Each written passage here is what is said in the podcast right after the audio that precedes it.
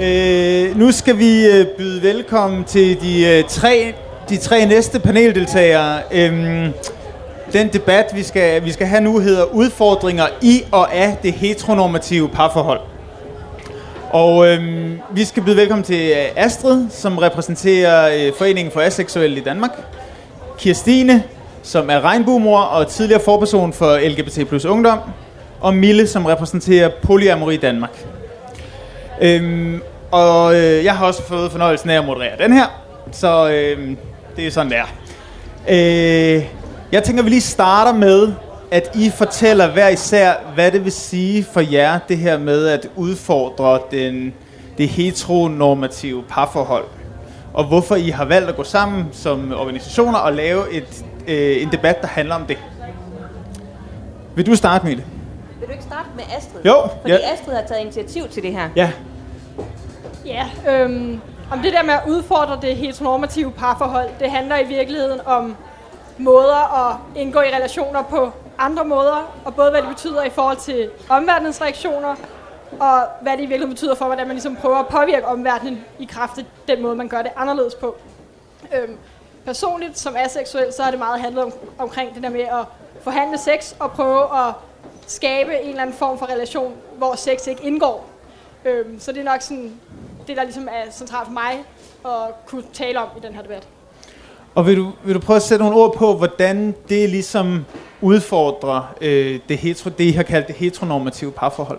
Altså man kan sige, det der også er i det heteronormative parforhold, det er, at det er et heteroseksuelt parforhold. Øhm, og i virkeligheden tror jeg, det går mere sådan generelt for parforhold, at der er den her idé om, at et godt parforhold, det er også et seksuelt parforhold. Og når folk sådan har problemer i parforholdet, så bliver tit spurgt ind til, ja, hvordan, hvordan foregår det med jeres sexliv? Er det godt? Øhm, er der noget der, der knager? Øhm, så det der med at fortælle folk, at man har et parforhold uden sex, og det med at være et parforhold uden sex, det betyder både, at, at man skal ligesom forsvare, at det forhold, man har, er godt, og at det forhold, man har, kan være velfungerende. Øhm, og man skal ligesom også forsvare, at man ikke fratager sin partner et eller andet. Eller, altså det kan man godt føle, man gør, og det kan man godt få at vide, man gør. Så det er ligesom også sådan et, et, et forhold, der skal sådan forhandles og diskuteres. Hvad siger du, Christine, i forhold til din oplevelse af at udfordre det heteronormative parforhold? Jamen, altså man kan sige, dybest set, så, så tænker jeg jo mit parforhold som værende meget traditionelt. Øh, jeg lever i et monogamt parforhold med en kvinde, vi er gift, vi har et barn.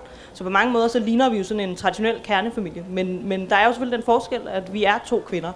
Øh, og vi er ikke en mand og en kvinde, og vi passer ikke ind i den der øh, sådan meget øh, kønnede forestilling om, hvordan man er familie med far, mor og børn, og hvordan man er sammen med sit barn, og hvordan man er sammen som par.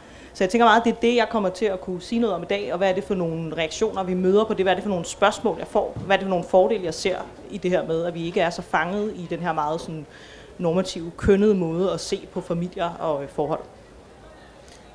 Ja. Og Mille, vil du også prøve at sætte på ord på, øh, hvordan det er derfra fra din position? Øh, ja, det vil jeg gerne. Øhm, jeg skal starte med lige at sige, at hvis man er polyamorøs, så har man den overbevisning, at man som individ er i stand til at elske mere end en person sådan på samme tid, ikke? have mere end et kærlighedsforhold. Øhm, vores ambition er ikke at omvende hele verden til at leve ligesom os, øh, men vi vil gerne anerkendes som et ligeværdigt alternativ til det monogame parforhold. Øh, så vores primære øh, gang på jorden som forening handler om at udfordre den norm om monogami, som, øh, som er ret sådan øh, gennemsyret i vestlig kultur øh, igennem nogle hundrede år. Øh, vi hører hele tiden fra Hollywood og alle mulige andre steder i historien igen og igen om den eneste ene, og øh, vi bliver hele tiden mødt med de her fordomme omkring, at det nok bare er fordi vi ikke har mødt den eneste ene endnu, eller den rigtige, eller også så lider vi en eller anden kontaktperson, kontaktforstyrrelse eller udviklingsforstyrrelse, øh, som gør, at vi ikke er i stand til at knytte os ordentligt. Øh, så vi vil gerne udfordre den her norm omkring monogami, som ligesom værende den eneste rigtige form for kærlighed. Det er det, vi står i som forening. Og lad os bare, lad os bare starte der. Hvordan, Øh hvordan gør man det? Øh, det, er ikke så, øh, det er ikke så forskelligt, fra, hvordan andre mennesker har kærlighedsforhold. Vi har bare nogle flere af dem. Jamen, jeg tænkte, jeg, jeg tænkte ikke sådan, øh, hvordan man gør øh, polyamor, øh, eller amori, men jeg tænkte, hvordan udfordrer man den her norm, som du, øh, ja, Ja. som du påpeger? Altså det gør vi jo blandt andet ved, at altså, i øjeblikket får vi rigtig meget opmærksomhed fra medierne. Og det er rigtig godt, det har vi brug for, fordi vi har brug for at fortælle en historie om, at vi ikke fejler noget, at vi ikke er psykisk syge eller forstyrret eller øh, på anden måde øh, degenereret. Og i virkeligheden så står vi lidt det samme sted, som bøsserne stod for 70 år siden, hvor de skulle ud og fortælle den her historie om, at de ikke fejlede noget, og få den almindelige befolkning til at forstå det. Øhm, så, så vi prøver på at få opmærksomhed, vi prøver på at lave folkeoplysning i alle de fora, vi kan komme til det, øhm, og prøve at fortælle om, at vi er sådan helt almindelige, kedelige mennesker, som bare har flere kærester, eller gerne vil have det. Okay. Øhm, er der både øh, konkrete udfordringer, jeg tænker sådan noget jura, øh, forbundet med et ønske om at leve øh, polyamorøst, øh, udover de kulturelle øh, ting, ja. Vi har påpeget? Det er der, det er der for nogen, øhm, fordi at vores samfund er jo indrettet på, at mennesker lever monogamt, i, altså familier fungerer i monogam struktur. Øh, I Danmark er det jo ikke muligt at blive gift med mere end en person, for eksempel. Så hvis man har to eller tre ligestillede, ligeværdige forhold, så er der nogen, der ønsker at være gift med mere end en partner. Så det er et mål for foreningen. Vi synes jo ikke, ligesom staten ikke skal blande sig i, hvem man må elske, så synes vi, det er naturligt at tænke, at staten heller ikke skal blande sig i eller bestemme, hvor mange man må elske, og hvor mange man må juridisk forpligte sig til. Øhm, der kan også være nogle polyamorøse familier, hvor der er tre eller fire voksne, øh, som i fællesskab har nogle børn, hvor man ønsker, at mere end to personer skal være registreret som forældre. Så, så ja, ja.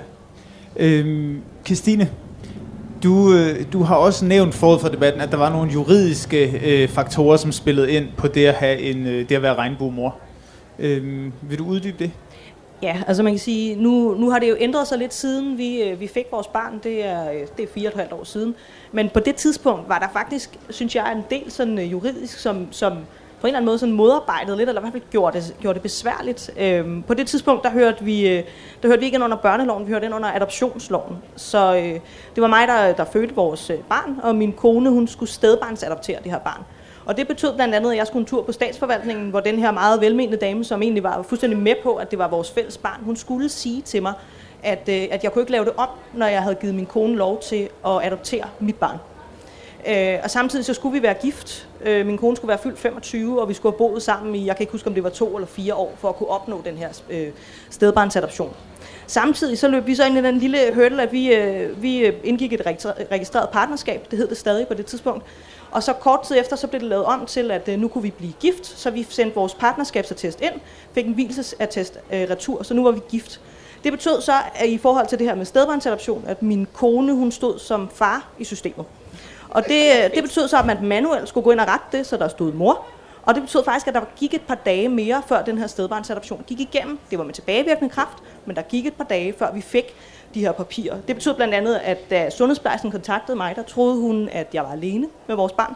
Fordi det var kun mig, der stod på, øh, på fødselsattesten, eller hvad det nu var for et stykke papir. Så der var simpelthen sådan nogle hurdler, vi skulle over, som jo virker fuldstændig åndssvage, ikke? Øh, og som gjorde det mere besværligt. Det er nemmere nu. Nu, øh, nu skal man, man skal stadig sende nogle papirer ind, og man skal stadig være i kontakt med statsforvaltningen, men, men det er på en anden måde. Øhm, hvordan ser det ud i, fra jeres øh, synsvinkel i foreningen for, for aseksuelle? Altså i forhold til jura, eller? Jamen både over, altså i forhold til jura, i forhold til kultur. Altså, jura, der har vi nok, altså der står vi ikke på den måde, medmindre vi også er polyamorøse, eller også lever i, øh, i samkønsægteskaber eller andet. Altså der står vi jo ikke, jeg tror ikke, der kommer nogen og sådan, har I, øh, hvad det hedder, consummated your marriage? Altså, jeg tror ikke, der er nogen, der kommer og tjekker, og jeg tror heller ikke, der er lov om, at man skal gøre det. øhm, så man kan sige, medmindre der ligesom er andre faktorer, der gør, at vi juridisk set står sværere, så er det ligesom ikke det, det aseksuelle, der gør, at, at det er noget andet. Så for os, der tror jeg i meget højere grad, det er ligesom normer omkring, hvordan et forhold skal se ud, vi ramler ind i. Øhm, og jeg synes, jeg har oplevet, at der er sådan en del øh, blaming af aseksuelle, der indgår i forhold med andre ikke-aseksuelle. Fordi der ligesom er den her, om folk har et seksuelt behov, og når man indgår i forhold, så er det ligesom den anden part i forholdet, der står for at på en eller anden måde tilfredsstille det behov. Så hvis man ikke gør det, så gør man det altså forkert, og, og det, er sådan, det er faktisk ret tavligt. Øhm, og det er ikke fordi, jeg er helt uforstående over for den tankegang, øhm, og jeg ikke anerkender, at, at der ligesom kan være en lyst. Altså den måde, jeg selv, da jeg var i mit tidligere forhold, den måde, vi ligesom prøvede at komme ud af det på, det var, at vi var i et åbent forhold, fordi så kunne man ligesom... Jeg fandt så også senere ud af, at det der med sådan at være helt monogamt, det giver ikke mening for mig. Øhm, men ja, så jeg tror mere, det er de der sådan, øhm, normbaserede kulturelle tanker omkring, hvordan et forhold skal se ud, vi ligesom ramler ind i, øhm, som er seksuelle. Øhm, Astrid, forud for øh, samtalen i dag, så har vi jo lige noget at snakke sammen. Øh, og der sagde du, at udover, at udover en række udfordringer, som der kan være ved at leve et liv, der ramler ind i normen, øh, så er der også nogle, øh, nogle fordele.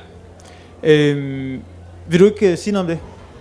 Jo, altså jeg tror, at det der ligesom i hvert fald skete for mig personligt, det var, at det der med at skulle til at navigere et forhold med en, der ikke var aseksuel, det betød ligesom, at jeg var nødt til at begyndte at tænke ud af boksen, og jeg, begyndte at, eller jeg var nødt til at reflektere over, hvordan kan jeg gøre det her, hvis jeg gerne vil være sammen med den her person. Øhm, så det blev sådan lidt sådan en... Øhm, ja, altså det åbnede op for, at jeg kunne tænke over, at man kunne gøre ting anderledes. Og det synes jeg har givet mig enormt meget. Øhm, og det har også gjort, at jeg kunne se på, hvad andre gør, og tænke over, den de gør tingene, og prøve at forstå, hvad det egentlig er, der foregår. Øhm, og prøve at se, når okay, der er folk, der er åbne forhold, der er folk, der lever i polamorøse forhold, der er folk, der lever i sådan platoniske, semi-romantiske forhold, eller sådan, altså jeg kom, selv, jeg kom selv til at tænke over, at der var andet end monogame parforhold, fordi så langt tidligere var jeg ikke sådan for alvor kommet. Øhm. Så du tænker den, altså man får ligesom refleksionen over, over normerne? Helt sikkert, ja. Hvad, er det noget, du kan genkende, Mille? Ja, altså jeg, jeg er rigtig glad for, at Astrid inviterede mig til at være med i den her debat i dag, fordi jeg synes jo, at altså umiddelbart sådan kunne man få den tanke, at de aseksuelle og de polyamorøse, det må være sådan modpoler i forhold til hinanden, i hvert fald hvis man tror på alle fordommene. Øhm, sådan tænker jeg det faktisk ikke. Jeg tænker faktisk, at vi er allieret på en eller anden, et eller andet plan, fordi at et det polyamorøse forhold åbner jo netop op for, at to mennesker med en ret forskellig seksualitet kan have et forhold til hinanden. Fordi man netop, fordi man åbner op for flere partnere, kan vælge at dele nogle dele af sin seksualitet eller kærlighed med en person, og nogle andre dele af sin, sit liv og sin kærlighed med en anden person. Så hvis man som aseksuel for eksempel gerne vil have et romantisk forhold til en anden person, et kærlighedsforhold, men ikke ønsker den seksuelle del, øh, så har man jo mulighed for at, som polyamorøs at, at have et forhold, at partneren kan, kan få dækket nogle seksuelle behov et andet sted. Øh, personligt er det sådan, at i mit ægteskab, der har jeg, jeg er gift med en mand, som synes, at tantra er det mest fantastiske i hele verden. Det synes jeg ikke, at det er. Så jeg er rigtig glad for, at min mand har en kæreste, som også synes, at tantra er det mest fantastiske i hele verden. Så jeg plejer sådan lidt humoristisk at sige, at den del af min mands seksualitet har jeg udliciteret øh, til en, som er kvalificeret til det. Øh, og, men, men i princippet kunne det jo være en ikke aseksuel og en aseksuel, eller det kunne være en, der var bedt til BDSM, og en, der ikke var, eller vi har rigtig mange forhold i blandt de polyamorøse, hvor den ene part er biseksuel, øh, og den anden part er øh, heteroseksuel. Øh, men i og med, at man så har et åbent polyamorøst forhold, så har man jo mulighed for at udleve nogle flere sider af sin seksualitet. Hvad betyder det, at man... Øh at man forhandler sin, øh, altså sin position på den måde, at der er, jeg forestiller mig, at der er nogle flere ting, der er til, øh, til debat, eller med, end, øh, end i sådan helt klassisk hollywoodsk øh, parforhold. Ja, og altså ja, vi er tvunget til hele tiden at være i forhandling omkring, hvordan er vi i de her relationer på en måde, så vi alle sammen føler os trygge i det, så vi alle sammen kan være i det, som vi alle sammen føler, der bliver taget hensyn til os. Så vi, vi plejer at sige, at vi taler konstant og igen og igen om rammerne for vores relationer øh, med alle involverede partnere, for at, at sikre, at der er åbenhed og ærlighed hele vejen rundt. Øh, det burde man vel egentlig gøre i alle parforhold. Det ville vel være sundt også i de heteronormative monogame forhold og sådan forhandle og, om rammerne og tale om forventninger til hinanden og så videre. Det ville vel sådan alment være sundt, ville det ikke? Jeg er heldigvis bare moderator, så det vil jeg ikke, øh, det vil jeg ikke svare på. Men øh, hvad siger du til det her, Astrid? Jamen, jeg sad lidt og tænkte, fordi jeg tror jeg er meget enig, at jeg tror nogle gange, når man indgår i forhold, som ligesom bryder normen, så er man sådan mere åbenlyst tvunget til rent faktisk at snakke om nogle af de her ting. Og for eksempel det der med at forhandle sex, det sker jo også på en eller anden grad i, i alle forhold af en eller anden størrelse, fordi sandsynligheden for, at du har sådan to parter, øh, partner, som til enhver tid gennem hele det der forhold, har sådan samme level af øh, lyst til sex, den er nok ret lav. Mm. Øhm, så det der med at finde ud af, okay, jeg har ikke særlig meget lyst til sex, men min partner eller min partner har meget lyst til sex, okay, hvordan gør vi det her? Hvordan finder vi et eller andet niveau, som, som folk er tilfredse med? Øhm, det er jo også noget, der sker i andre forhold, og i, også i normative, heteronormative parforhold. Øhm, så jeg tror, det er måske noget, det tror jeg også foregår i mange forhold, mange parforhold, men det er måske noget, der i virkeligheden er værd at tage med fra ikke normative parforhold, at, at tage den der meget åbenlyse forhandling, som der nogle gange er om, om rammer for hvem og hvordan og hvornår og hvor meget og, og sådan noget. Øhm, Christine, øh, du nævnte før nogle udfordringer, der havde været forbundet, altså sådan nogle helt konkrete juridiske udfordringer, der havde været forbundet med at, at få et barn med din, øh, med din partner. Hvad, øh, altså, har vi, er vi i mål, hvad det angår? Er, øh, hvad er der sket? Altså, der er i hvert fald sket, øh, der er sket noget, og vi er længere nu. Vi er ikke inde i den der adoptionslov mere. Nu, øh, nu er det sådan noget med, at man skal, øh, når man er i gang med, med sin, øh, og det er jo så på en, øh, ofte i forbindelse med noget fertilitetsbehandling eller noget, noget insemination, når man så går i gang med det, så udfylder man nogle papirer, man sender ind, og så går det af sig selv. Så på den måde er vi længere. Øh, altså, der er sket, sket fremskridt, men man skal stadigvæk, der er stadigvæk det der papirarbejde, man ligesom skal lave, selvom... Øh, selvom man er gift, og selvom at, øh, vi har et barn forvejen, og, og alle sådan nogle ting, så, så skal vi sende nogle papirer ind, og, øh, og gøre opmærksom på, at, øh, at jeg tror, at den her gang er det noget med, at øh, hvis min kone vil, skal insemineres, så skal jeg sige, at det synes jeg er okay at sende et papir ind. Sådan, jeg er med på den, vi får et barn sammen nu, det er, jeg er vidne om det her. Okay. Selvom I er gift? Selvom vi er gift. Okay. Øh, hvad, hvad, hvad skal der laves om? Hvad, øh, hvad, hvad tænker du? Jamen, altså dybest set kan man jo sige, hvis vi skulle være, være helt, hvis vi skulle sammenligne det med sådan det klassiske heteroseksuelle forhold, mand og en kvinde, der er gift, der får et barn, så er, er faren sådan set automatisk far. Og man kan ja. sige, der er selvfølgelig nogle, der kan være nogle ting her også, hvis vi snakker om nogle af de her familieformer, hvor der er nogle flere mennesker øh, end bare to, som gør, at man er nødt til at åbne lidt op. Så jeg kan faktisk ikke, jeg synes, det er meget svært at svare på, hvad, hvad skal der til, fordi jeg tænker egentlig, det er en meget større øh, diskussion, fordi vi er også nødt til at, at involvere flere familieformer for at snakke om, hvad er det, der skal til. Fordi vi er jo nødt til at se på det her med, at nogle gange så er der måske fire forældre, eller fem, eller hvor mange det nu kan være, som skal tænkes ind på en eller anden måde. Ja. Og Mille, vil du kommentere på det? Ja, det vil jeg rigtig gerne, fordi altså jeg, tænk, jeg har også hele tiden tænkt, at de her, øh, det her behov, vi har for at kunne registrere mere end to juridiske forældre til et barn, det må også være et behov, man ser i regnbuefamilier. Ja. Øhm, og i virkeligheden handler, handler det vel om at lave nogle mere fleksible systemer, hvor det er individet, der bestemmer, både i forhold til ægteskaber, i forhold til børn osv., hvor mange mennesker, der skal registreres hvor og hvem osv., så man ikke har så firkantede standardnormer, men mere individuelt tilpassede normer. Og det er vel en fælles sag, som, som øh, alle øh, stort set grupperinger inden for LGBT plus kan have en interesse i at Ja, jeg tænker, at en ting er jo juridisk, vi skal have lavet nogle flere kategorier, men, men så er det næste skridt jo også at gå ud i daginstitutionerne og på skolerne og, og gøre noget ved, at der altid står far og mor, når man skal udfylde, hvem er forældrene, øh, og ikke forældre 1, 2, 3, 4, eller hvad man nu kunne gøre i stedet for. Ikke? Så det er jo en længere proces, der skal, der skal til. Øhm, jeg tænker, at hvis der er nogen, der har nogle spørgsmål allerede nu, så, øh, så siger I bare til, og ellers så rækker I bare øh, hånden op undervejs. Så øh, der var et.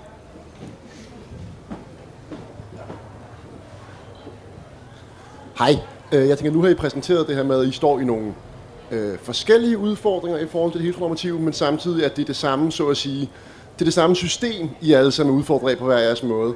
Jeg tænkte på, om I kunne sige noget om, på et sådan mere overordnet samfundsmæssigt plan, hvordan er det, det system bliver opretholdt? Hvordan er det ud over jeres konkrete relationer, at man til daglig møder den her øh, idé omkring heteronormativitet og monogami og hvad skulle på et bredere samfundsmæssigt plan ændres, som måske ikke direkte handler om lovgivning i forhold til situationen, men mere om, hvordan vi som samfund begår os. Er der nogle ting, der skal laves sådan helt grundlæggende om der, og i så fald hvad og hvordan? Stille og roligt. hvad og hvordan? Stille og roligt. Det ordner vi lige.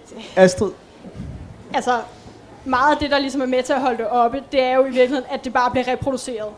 Altså, det er, at det er ligesom, det, er det man ser, øh, de par, man typisk ser gå ned ad gaden, det er en mand og en kvinde, og det, man typisk læser ind i det, det er et monogamt heteroseksuelt forhold. Øh, men det er også det, vi ser, når vi ser øh, film. Øh, det er det, vi læser om i bøger. Det er, når, de, når man laver politik, så er det rigtig typisk til øh, den, al, øh, den almindelige danske familie, øh, som ligesom er dem, der skal have togkort, og det er dem, der skal have skattefordele, og det er dem, der skal have råd til en bil. Øh, så hvis vi nu begynder også at, at snakke om de ting på en eller anden måde, så hvis man ligesom på en eller anden måde kunne, kunne bryde den der sådan konstante, sådan lidt, lidt ej, okay, nu kommer det til at lyde ikke? men lidt tankeløse reproduktion af, hvordan man gør. Øhm, og det tror jeg i, i høj grad vil ske af, at folk bliver eksponeret for noget, der er, er anderledes. At man ser folk, der gør det anderledes, både øh, til debatter som her, eller øh, i bøger og i tv, og man snakket om sådan den der kernefamilie på en anden måde, end bare en kernefamilie. Øh, er der en af jer, der vil sige noget til det?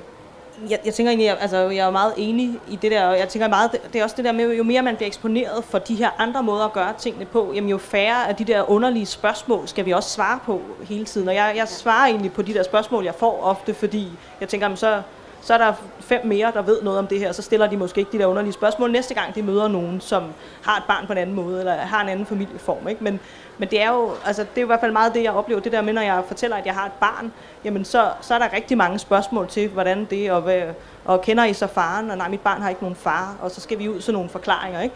Øh, så jeg tænker egentlig noget mere synlighed, og noget mere oplysning, og altså, det, det, det tænker jeg er vejen frem. Ja, altså ja, jeg tænker også, at, at det, det er nærmest den eneste vej frem. Altså, øh, jeg har oplevet de seneste måneder at være meget eksponeret i øh, aviser og talt med rigtig mange journalister, og de seneste måneder er jeg også blevet filmet til en dokumentarserie til TV2 om polyamori osv. Og det er super grænseoverskridende. Jeg har slet ikke lyst til at være i den situation. Jeg synes ikke, det er spor sjovt at blive fuldt hele tiden af en journalist med et kamera. Men jeg tror, det er den eneste vej frem, øh, for at få folk til at forstå, at vi er helt almindelige mennesker, og få brudt den her norm. Øh, og, så, og så tænker jeg, det er vigtigt, at man også gør folk opmærksom på de her diskursive ting, øh, som du henviser til, det her med, at man reproducerer de her automatiske tankegange omkring tingene. Vi bliver for eksempel, alle de, stort set alle de journalister, som har ville interviewe mig om polyamori, har stort set alle sammen spurgt om, hvad gør I med alt det der jalousi, som må opstå i jeres mange forhold osv. Ikke? Og, og så prøver jeg på at fortælle de her journalister, at øh, ja, altså polyamorøse kan selvfølgelig blive jaloux, ligesom alle mulige andre mennesker, men når du stiller det spørgsmål, så tænker jeg egentlig, at det er din egen monogame norm, du trækker ned over min måde at leve på. Og det er jo netop måske, fordi jeg ikke har den samme tendens til jalousi, at jeg vælger at leve polyamorøst. Ikke? Så jeg ligesom gør folk opmærksom på, at de stiller nogle spørgsmål, som mås- hvor, hvor de måske ikke helt har læst lektien. Altså, er det, er det en strategi, som I kan, som I kan genkende hos øh, Astrid, for eksempel? Altså jamen, der, der ligger tit de der associationer på en eller anden måde, man skal have brudt. Øhm, det var også, øhm, da jeg første gang fortalte min storebror, at jeg var aseksuel, så kiggede han også på mig, og det første spørgsmål, han stillede, hvordan får du det til at fungere med din kæreste?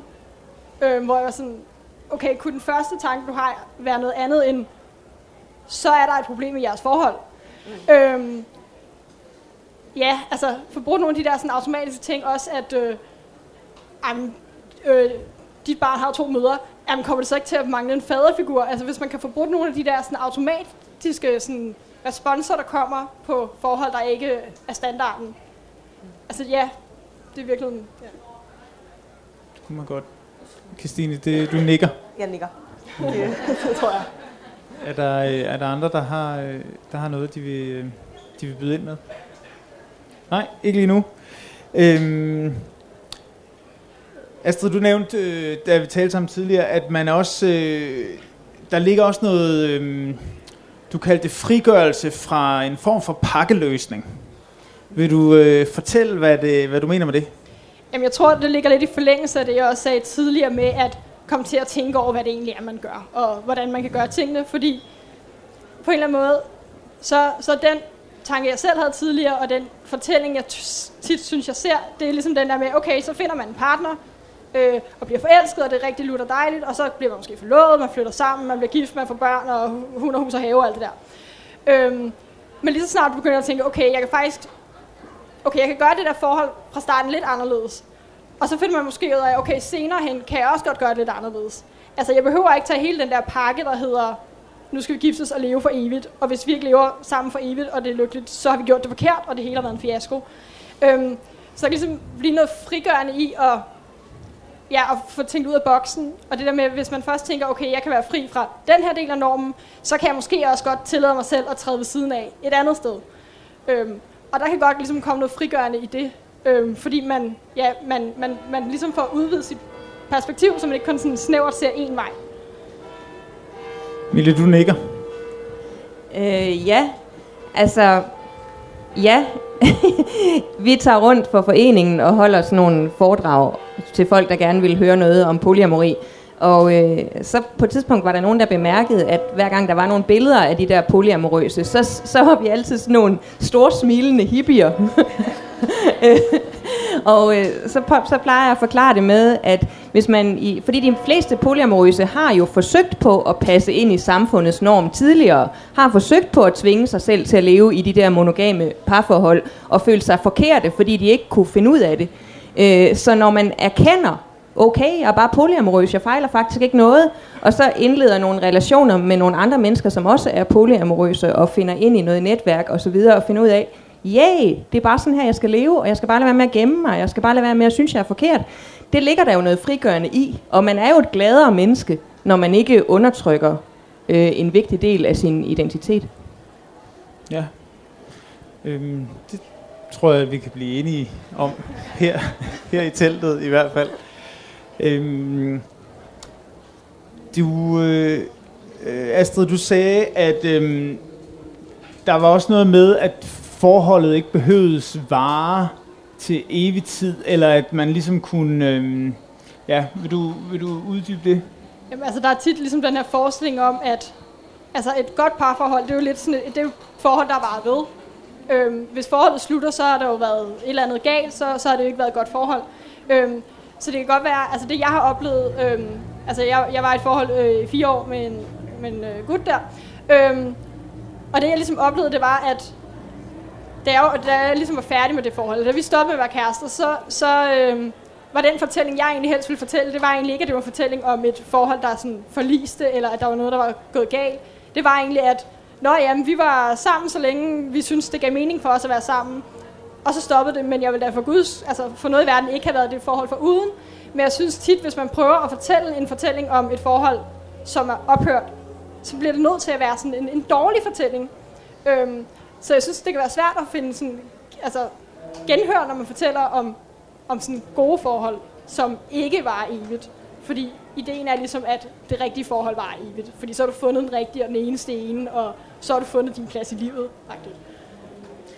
Øhm, Christine, hvordan, øh, hvordan ser det ud som sådan som regnbuefamilie? Det her med, at man skal navigere i, at øh, man skal ligesom have en jura, der respekterer øh, jeres familieform. Men man har måske ikke nødvendigvis lyst til at købe hele pakken. Hvis du, som du sagde før, altså det er ikke, det er ikke et mål i sig selv bare at få, øh, få lov til at leve heteroseksuelt, men homoseksuelt. Ja, det, det, Måske et lidt, tricky spørgsmål. Lidt tricky spørgsmål, måske. Ja, nej, men altså, øhm, du sagde det her med, at man, øhm, det ikke var nok bare, at to kvinder kunne få lov til at gifte sig og få et barn, og så færdig, bum. Men at det i virkeligheden var lige så vigtigt, at der, man måske kunne sætte i gang i nogle refleksioner, der hedder, vi skal have plads til flere end bare to forældre. Øh, ja, de her øh, overvejelser. Jamen, det, det tænker jeg jo, det er, fordi vi ser også en masse familieformer, som er på den her måde. Vi ser en masse familier, hvor der er flere end to forældre. Og det kan jo både være regnbuefamilier, der tænker, der må også være noget i, inden for polyamarien, hvor der, hvor der er flere forældre på en eller anden måde. Og, og, og det er bare juridisk noget hø, altså for, for de her familier. Og det, det er egentlig så meget, lige så meget det, jeg tænker, at vi er nødt til. Vi kan ikke bare tage en snak om, hvordan bliver det nemmere som, som to kvinder at få et barn sammen. Vi er nødt til at tage en snak om, hvordan kan vi åbne op for de her familieformer så det bliver nemmere for folk at få børn i de konstellationer, der giver mening for dem. Og øh, vi har tid nu. Lad os, lad os tage den snak. Altså, hvad er det et spørgsmål om øh, noget jura, der skal skrues på? Er det et spørgsmål om Øh, Mille, du har nævnt synlighed, at det handler om, at vi skal ud, og der skal være mere synlighed om, der findes øh, familieformer, der ikke er heteronormative, som, som vi kender dem. Hvad, øh, Altså i første omgang handler det jo om noget jura. Det handler om, at der bliver nogle flere øh, blokke, hvor man kan skrive forældre ind, i stedet for kun to. Ja. Øh, altså dybest set, at man kan lave et eller andet system omkring det. Og så handler det jo selvfølgelig også om noget synlighed. Og, øh, og det her med, at man ser, sådan her kan man også leve som familie. Og det er ikke kun rigtigt at leve sådan her mor, far, børn, og så er det, man er far på en bestemt måde, og man er mor på en bestemt måde, og så er man børn på en bestemt måde. Der er faktisk rigtig mange andre måder at gøre det på. Astrid? Jamen, jeg tror også, altså noget af det, der også ligger i det, at, at sådan, altså en ting er, hvad kan man sige, ligesom at få fikset juraen, eller få rettet op på juraen, så der er plads til mere.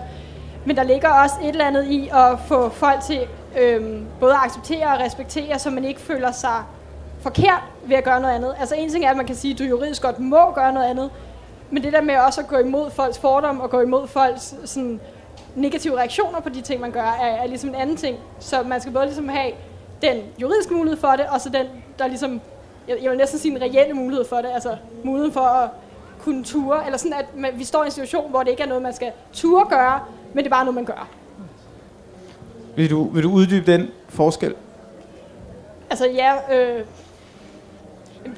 jeg, jeg, ved ikke, om jeg kan forklare det så meget klarere, men man kan sige, altså en ting er, at der ligger et eller andet papir gemt væk op i statsministeriet, eller hvor sådan noget nu ligger, hvor der står, at øh, her er 130 forskellige måder, I kan indgå en familie på, eller uendelige måder, hvad det nu kan være. Men noget andet er, når du så står og skal tage den beslutning om, at hey, jeg har, øh, jeg har min kone, og jeg har min kæreste, og vi har to børn, og jeg vil egentlig gerne skrive det her ind. Men tør jeg det? Altså, hvor meget skal jeg være bange for, at folk peger fingre af mig, eller udskammer mig for de ting, jeg gør? Øhm, så det er ligesom også, altså der er noget normativt, man skal ændre på, fordi, altså, altså jeg tror nogle gange, jeg har tendens lidt til at komme til at, at tale grimt om det heteronormative parforhold, som om det er sådan ondskab, ikke? Og det er det jo i virkeligheden ikke, fordi, altså, folk, der gerne vil leve et heteroseksuelt monogamt parforhold, de skal selvfølgelig have lige så meget lov til det, som, som folk, der ikke vil det. Øhm, men det er i kraft af det der med, at det er altså, normativt, at, at der begynder at gå noget galt, som gør, at alle de her andre positioner, ligesom, det er lidt nogen, du skal sådan altså vinde til dig selv på en eller anden måde. Altså du skal kæmpe en eller anden kamp for at få lov at være i noget andet end, end det der normative parforhold. Så det handler virkelig om ligesom at få, få gjort, at der ikke er et normativt parforhold, men at så længe folk er samtykkende og glade i de, de forhold, de nu indgår i, så gør de bare det, og så er der ikke nogen, der ligesom peger fingre eller løfter øjenbryn eller sådan noget. Øhm, fordi så snart, altså, når folk begynder at gøre det, så kan det være skræmmende og noget, man lader være med at gøre. Fordi man er bange for repressalier. Og fordi statsministeriet holder 130 forskellige parforholdsformer gemt for os, det kan jeg godt lide, den tanke. Det, øh, det er vi nødt til at få gjort noget ved. Øh, men Mille, du, du nikkede i, i forhold til det. Øh. Jamen, altså, jeg, jeg står meget og tænker, at det handler ikke altid om ond vilje eller decideret modstand. Altså, når jeg taler med polyamorøse andre steder i verden, så, tænk, så for eksempel i USA møder de meget mere sådan fordømmelse og sådan moralsk fordømmelse. Der, kir- der står kirken noget stærkere, end den gør her, og så videre. Og der er det meget sådan noget religiøs fordømmelse, som de polyamorøse møder. Det møder vi mindre af her. Øh, og jeg oplever egentlig ikke altid, altså egentlig tænker jeg, at vi er privilegeret i Danmark, og det er vi blandt andet fordi, at LGBT har kæmpet i 70 år for mangfoldighed. Ikke? Så derfor bliver kampen nemmere for os, som kommer sådan langt ude af sporet øh, fordi folk er vant til forskellighed. Ikke?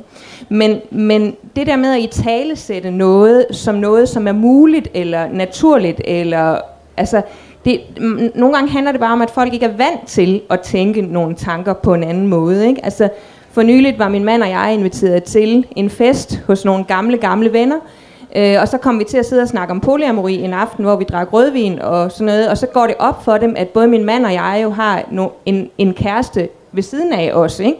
Og så pludselig så siger øh, Jette, min veninde der, så siger hun, Gud, tante Mille, så burde vi jo have inviteret også Andreas og Susanne, og ikke bare dig og Gerhard og så siger jeg til hende, at øh, nej, altså det tænker jeg ikke, I burde, men det er klart, at jeg drømmer om en fremtid, hvor det vil være naturligt, at man gør det, når nu jeg lever i et polyamorøst forhold. Og så siger hun, jamen selvfølgelig, jeg har bare aldrig tænkt den tanke, at det kunne være en mulighed. Skynd jer hjem og spørg, om de, kan, om, om de har tid til at komme med til fest den weekend. Og så var de med til, så tog vi til fest alle fire sammen, og det var mega fedt, og folk gloede på os og stillede mærkelige spørgsmål, og hvem er sammen med hvem, og så videre.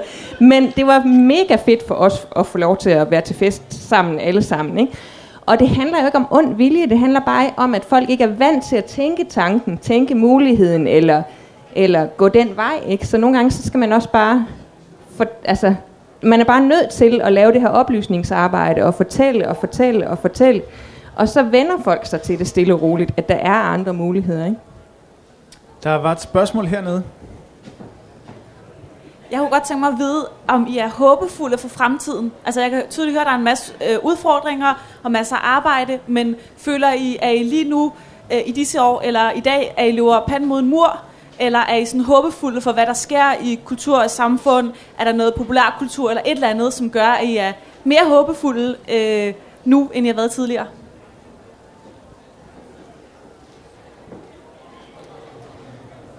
Christine, vil du starte med at Altså, svare på jeg, det? jeg, kan jo, jeg kan jo starte, så kan jeg tale om, om min målgruppe. Øh, og på mange måder ja. Altså, så er jeg egentlig mere håbefuld. Jeg synes, vi ser øh, en... Øh, sådan, vi ser flere homoseksuelle karakterer i øh, tv-serier, øh, senest i Skam for eksempel, med en hel sæson, der handler om den her udspringningsproces. Øh, og, og, og det bliver på en eller anden måde mere almindeligt. Jeg synes heller ikke, jeg møder helt så mange øh, underlige spørgsmål mere, når jeg øh, fortæller, at jeg er gift med en kvinde, øh, og vi har et barn sammen. Jeg møder nogle sjove spørgsmål en gang imellem alligevel, så det gør jeg. Men, men jeg synes jo, på mange måder synes jeg, at vi er på vej i den rigtige retning. Og så samtidig så er jeg sådan lidt tilbageholdende med at sige ja, fordi det betyder ikke, at vi bare skal tænke, når alting er godt, og lad os bare øh, klappe i hænderne og, øh, og synes, det er fint. Men, men, men jeg synes, det går i den rigtige retning. Mille? Øh, ja, jeg er også absolut håbefuld. Altså, jeg, øh, det er ikke tilfældigt, at øh, Polyforeningen har valgt at få tegnet vores logo i, øh, i regnbuefarverne. Fordi vi føler jo netop, som jeg også sagde før, at vi står på skuldrene af 70 års LGBT-historie, som har kæmpet mange af kampene for os. Ikke? Det tog 40 år fra, fra LGBT sådan startede med at lave politisk arbejde i Danmark, før, der blev, før det blev tilladt for homoseksuelle at blive gift. Øh, så vi får nok ikke det polyamorøse indført fra i dag til i morgen, at man skal kunne blive gift med mere end en. Det kommer nok til at tage forhåbentlig ikke 40 år, men måske 15 eller 20 år realistisk. Men, men nu starter vi kampen, og egentlig så synes jeg ikke, vi møder så meget modstand, som man kunne frygte. Så ja, jeg er også håbefuld. håbefuld. Og Astrid, vil du hurtigt svare på det? Ja, altså jeg vil sige sådan lidt, altså både ja og nej. Altså i forhold til at blive accepteret som aseksuel, så vil jeg sige ja, jeg synes det går fremad. I forhold til at være aseksuel, og skulle, ind, eller muligvis skulle indgå forhold med folk, der ikke er aseksuelle, så ved jeg, altså den, den er jeg lidt mere uklar på, fordi jeg tror stadig, at associationen mellem sex og det at leve et sundt og godt liv er så stærk, at så snart du vil have et forhold uden sex med en, som ikke identificerer som aseksuel, så, så træder man stadig på et eller andet centralt, altså man træder på muligheden for, at det anden, eller den eller de andre mennesker kan have et sundt og godt liv. Og den tror jeg, at det kommer til at tage lidt længere tid på en eller anden måde at få væk. Altså de kan godt acceptere, at jeg kan leve et liv uden sex, hvor jeg er glad. Men at min partner kunne leve, eller min eller flere partnere kunne gøre det også, den er, den er, den er sværere, tror jeg. Der var et spørgsmål mere her.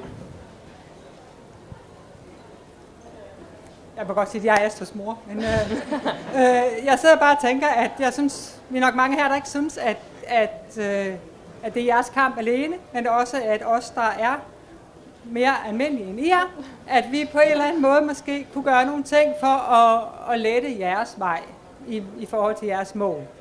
Øh, fordi vi møder jo også øh, nogen, der taler grimt om jer, nogen, der taler undrende om jer, øh, og jeg ved ikke, hvordan vi bedst muligt kan være dem, som letter jer vejen i jeres kamp. Men det kunne jeg godt tænke mig at høre jeres indspil på.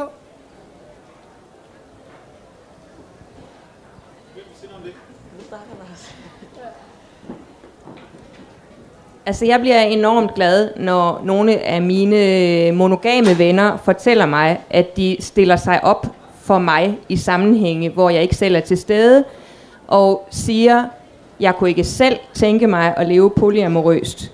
Jeg er monogam, men selvfølgelig skal de have de samme rettigheder som vi andre. Altså, så enkelt er det egentlig. Christine? Ja, det tænker jeg egentlig også. Altså det der med at... Det behøver ikke at være, være helt op på barrikaderne. Jeg har også en, min mor, som i hvert fald perioder, synes jeg næsten har været for meget frem i skoene, hvor jeg sådan har været, prøv lige at tage det lige roligt nu. Eller sådan. Du behøver ikke at, at udfordre alle omkring dig på dit arbejde, og så fortæl mig om det bagefter med sådan en sejrsmine. Men, men jeg bliver selvfølgelig også glad for, at hun, øh, at hun gerne vil tale min sag. Og det tænker jeg, det der med at, at, at snakke om det, som om det er helt almindeligt. Altså, øh, min, min datter er gift med en kvinde, de har et barn. Bum, så er der ikke så meget mere at sige til det. Altså, det tænker jeg egentlig, det der med at, øh, og, og, ja, og, og op på barrikaderne sådan til en vis grad, eller hvad man nu skal sige, og så, og så snakke om det, som om det er lige så almindeligt, som, som hvis jeg havde været gift med en mand og havde et barn. Astrid, vil du knytte en kommentar til Nej, jeg har egentlig ikke. Jeg er enig. Men øh, vi når desværre ikke flere spørgsmål, men lad den øh, opfordring øh, være givet videre. Øhm, tak, til, øh, tak til panelet, tak til Mille Christine og øh, Astrid, og giv dem lige en hånd for at øh, stille sig op og fortælle om sig selv.